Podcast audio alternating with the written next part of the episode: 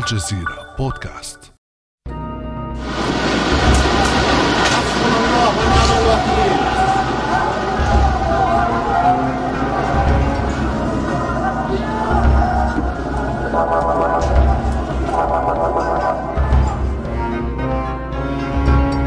مرة أخرى يعود الاحتلال الإسرائيلي ليستهدف قطاع غزة وبعد أحد عشر يوما من القصف المتواصل بالليل والنهار توقف إطلاق النار وخلف وراءه شهداء وجرحى ومفقودين ودمارا غير مسبوق.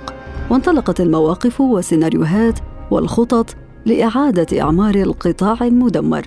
مواقف يختلط فيها الإنساني بالسياسي وحتى بالشروط المسبقة. فما هي استراتيجية عملية إعادة إعمار قطاع غزة في ظل حديث الولايات المتحدة وإسرائيل عن استبعاد حركة حماس من هذه العملية؟ ومن هي الأطراف الفاعلة في إعادة إعمار غزة؟ وهل يلتزم المانحون بتعهداتهم؟ وما هي خطوط تدفق أموال إعادة الإعمار؟ بعد أمس من الجزيرة بودكاست أنا أمال العريسي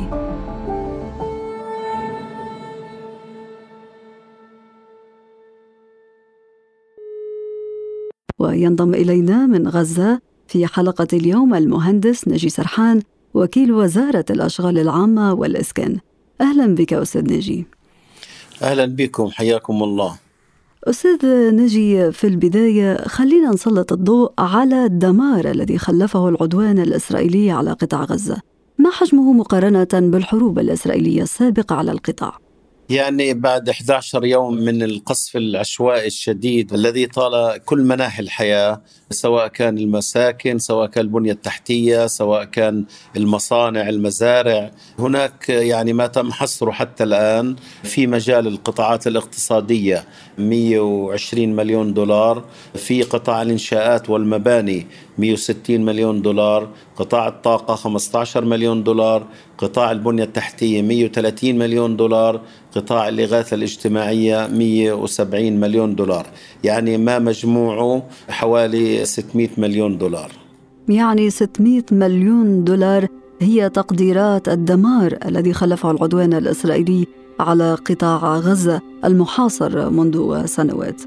وقبل أن تجف دماء الشهداء أستاذ ناجي وتلتئم جروح المصابين بعد هذا العدوان الإسرائيلي على غزة بدأ الحديث عن استراتيجية جديدة لإعادة الأعمار تستبعد منها حركة حماس التي تدير القطاع. الولايات المتحدة ملتزمة بالعمل مع الأمم المتحدة. وما زلنا ملتزمين بالعمل مع الأمم المتحدة وأصحاب المصلحة الدوليين الآخرين لتقديم المساعدة الإنسانية السريعة لشعب غزة ولدعم جهود إعادة إعمار غزة. سنقوم بذلك بشراكة كاملة مع السلطة الفلسطينية وليس حماس. بطريقة لا تسمح لحماس بإعادة تخزين ترسانتها العسكرية. في هذا التصريح الذي استمعنا إليه أستاذ ناجي الرئيس الأمريكي جو بايدن بدا في حديثه صريحا ومباشرا إعادة إعمار غزة مشروطة باستبعاد حماس من هذه العملية. ما تداعيات هذا الفيتو الأمريكي على عملية إعادة الإعمار برأيك أستاذ ناجي يعني لابد من توضيح شيء معين أن حركة حماس لم تكن جزء من الإعمار لا في السابق ولا سوف تكون في الحاضر. يعني عملية إعادة الإعمار تتم ما بين المانح وما بين المستفيد الأساسي.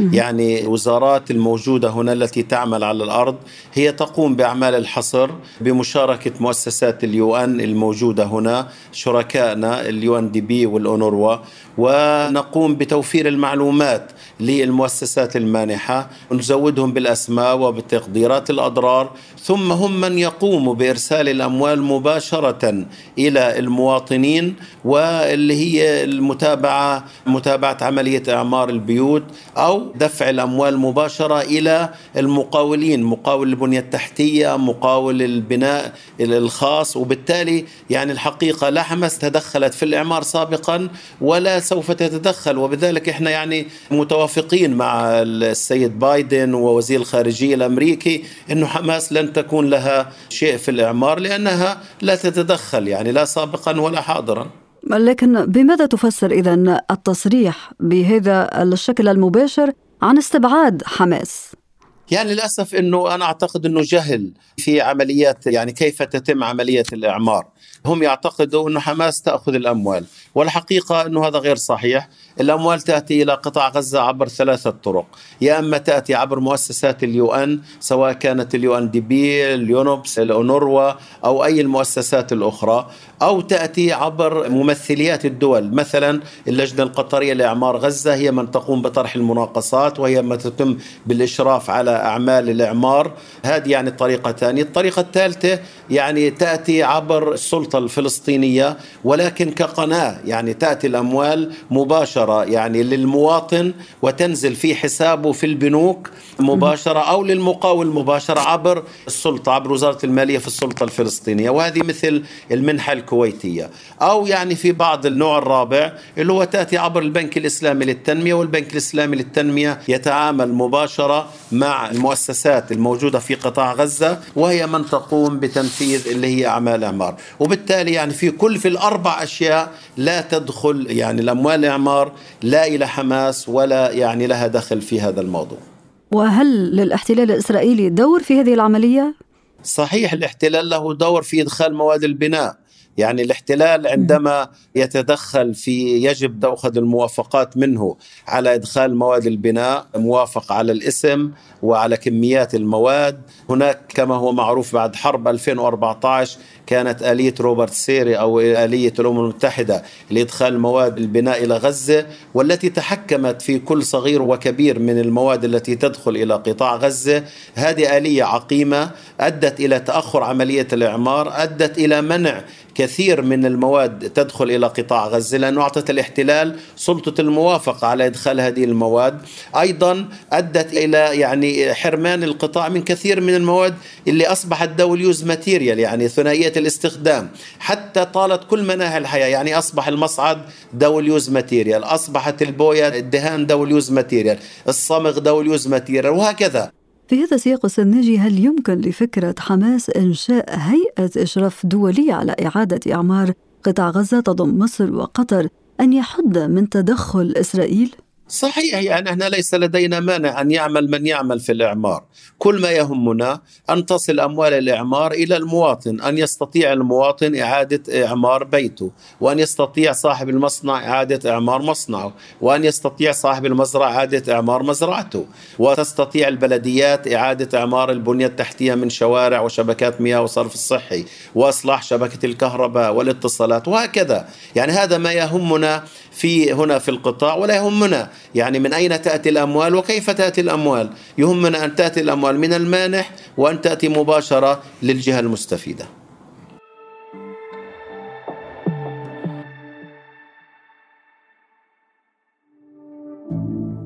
ابقى على تواصل مستمر مع الجزيرة بودكاست ولا تنسى تفعيل زر الاشتراك الموجود في تطبيقك لتصلك الحلقات يومياً.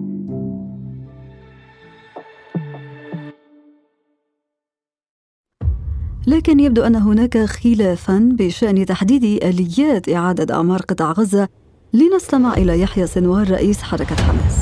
نحن سنفسح المجال أمام كل من يريد أن يعمر في قطاع غزة وأن يصلح الوضع الاقتصادي ويعمل ويقوم أو يعمل انتعاش اقتصادية في قطاع غزة.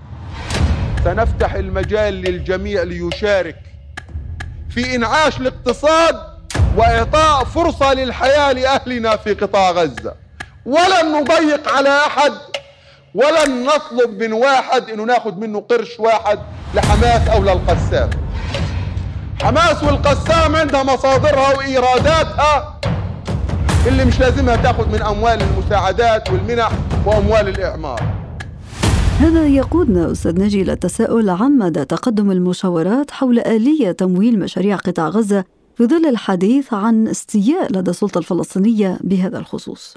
يعني إحنا للأسف السلطة الفلسطينية كما هو معروف بعد حرب 2014 يعني هي من أعدت وثيقة إعادة الإعمار وقدمتها إلى مؤتمر القاهرة وكانت هناك تعهدات بخمسة مليار دولار.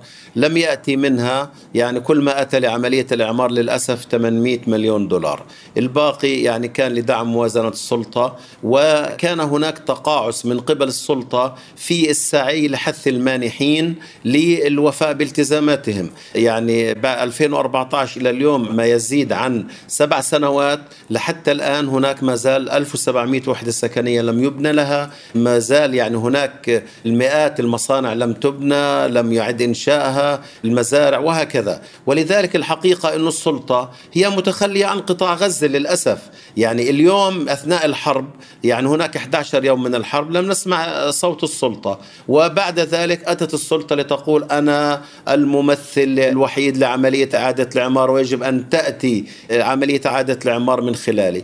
إحنا نقول إحنا لا المشكلة عندنا لدينا من أين تأتي الأموال ولكن يجب أن يكون هناك مشاركة مع الكل الوطني الفلسطيني في قطاع غزة. ما دمر قطاع غزة ومن يعيد بناء قطاع غزة هم أهل قطاع غزة. ولذلك يجب الاعتراف بقطاع غزة وبإشراكه. إحنا لا نتكلم عن حماس بطبيعة الحال نحن نتكلم عن الوزارات الفنية الموجودة على الأرض والتي هي قامت بالإعمار في السابق وهي من تقوم بعمليات الحصر والتواصل مع المواطنين. نتكلم عن المجتمع المدني نتكلم عن كل الجهات الأخرى الاتحادات النقابية اتحاد المقاولين اتحاد الصناعات. يعني كل هذه المكونات يجب أن تكون شريك في القرار في عملية إعادة الإعمار. نحن لا نحتاج وصاية. الوصاية هذه تأتي للغنائم. لا إحنا يجب أن تكون هناك شراكة مجتمعية وإشراف مجتمعي على عملية إعادة الإعمار. أشرت أكثر من مرة للمانحين من هم هؤلاء المانحون في عملية إعادة إعمار قطاع غزة؟ يعني في السابق كان كثير من المانحين بعضهم التزم وبعضهم لم يلتزم. الحقيقة من أكثر الدول التي التزمت هي دولة قطر المملكة العربية السعودية. الكويت. يعني هذه الثلاثة الدول كان لها الإسهام الكبير في عملية إعادة الإعمار بالإضافة إلى دولة ألمانيا. هذه اللي كان لها الشير الأكبر في عملية الإعمار. إضافة طبعا كانت هناك إسهامات يعني من بعض الدول مثل عمان كان لها هناك إسهامات بعض الدول الأوروبية كان لها يعني إسهامات. لكن الحقيقة الدول الأساسية الثلاث الكبرى هي المملكة العربية السعودية وقطر والكويت. ونحن متفائلين أنه يعني إخواننا هذه الدول يعني كما سمعنا مصر دخلت على الخط بمنحة 500 مليون دولار وكنا الأسبوع يعني يوم الخميس إحنا كنا روحنا من مصر كنا التقينا الإخوة هناك وهناك جدية مصرية للبدء في الإعمار يعني تحويل أموال المنحة المصرية إلى عمليات الإعمار. هناك قطر تعهدت 500 مليون دولار ونحن يعني قطر كان لها السابق عدة منح كانت منحة الأمير الوالد 407 مليون كان هناك منحة يعني بعد حرب 2014 تزيد عن مليار وكانت موجودة ولها إسهامات في كل المجالات. الكويت كانت لها منحة 200 مليون دولار وعملت يعني في قطاع الإسكان والبنية التحتية وكانت اللي هي صادقة في ذلك ونفذت على الأرض. إحنا المملكة العربية السعودية طبعا كان لها إسهامات كبيرة تزيد عن ال 400 مليون دولار. الحقيقة أنه إحنا متفائلين أنه يعني الأموال سوف تأتي إلى القطاع سوف تأتي لعملية إعمار شاملة، نحن اليوم لا نتكلم عن إعادة إعمار لأنه إعادة إعمار تتكلم عن الأضرار المباشرة، هناك يعني ما يزيد عن 500 مليون دولار إضرار مباشرة في هذا الحرب، و600 مليون دولار أضرار غير مباشرة متبقية من الحروب السابقة، لكن هناك قطاع مدمر 15 سنة من الحصار وثلاثة حروب رئيسية وما بينهما من اجتياحات وشهداء وجرحى وعاطلين عن العمل تزيد نسبة البطالة لدينا 50% وفي الخريجين تزيد عن 70% لذلك مطلوب حالة إنعاش للقطاع إنعاش كامل. يشمل إعادة الإعمار والإعمار والتنمية. ولذلك إحنا نعم. نتكلم عن ثلاثة مليار دولار لإنعاش قطاع غزة. أهل قطاع غزة كما هم مناضلين ومجاهدين أيضا هم يحبوا الحياة هم فئة متعلمة عالية هم يعني يحبوا الجميع يحبوا السلام وبالتالي نحن نريد أن نعيش يعني كما يعيش كل المواطنين في العالم العربي والمجتمع الدولي نعم. عملية الإنعاش التي تحدثت عنها أستاذ ناجي هل تم التطرق في اجتماعات القاهرة بخصوص ملف إعادة أعمار غزة إلى الضمانات الضمانات التي تمكن من وصول هذه الأموال إلى مستحقيها التي هي أولى بإعادة الأعمار في قطاع غزة يعني نحن تحدثنا مع الإخوة في القاهرة. الحقيقة ما لمسناه جدية عالية من إخواننا المصريين في البدء بالمنحة منحة السيد الرئيس السيسي يعني ال 500 مليون دولار.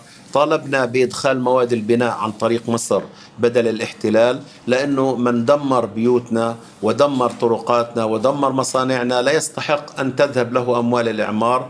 كما هو معروف 65% ل 70% من أموال إعادة الإعمار هي عبارة عن مواد. فإحنا يعني تكلمنا مع إخواننا المصريين أن تكون هذه المواد عن طريق مصر سواء كان للمنحة المصرية أو المنح الأخرى. لماذا لا تكون عن طريق مصر؟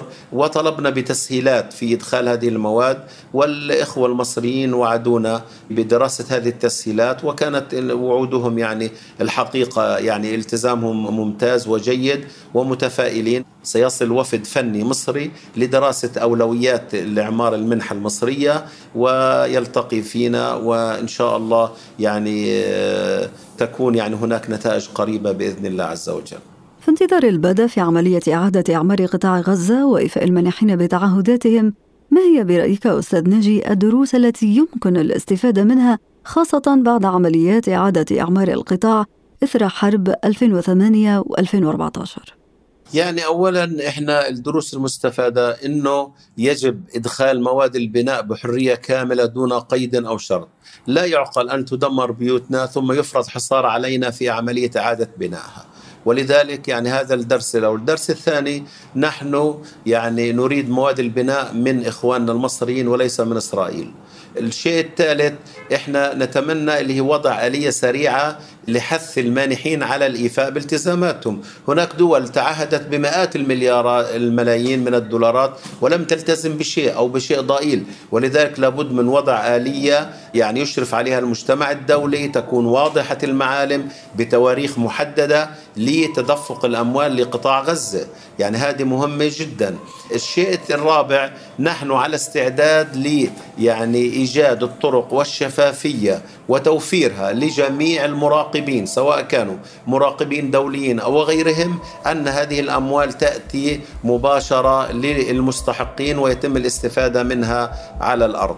يعني هذه بشكل عام اللي هي إحنا الدروس المستفادة من السابق ونتمنى إن شاء الله يعني أن نرى تحقيق للإعمار السريع.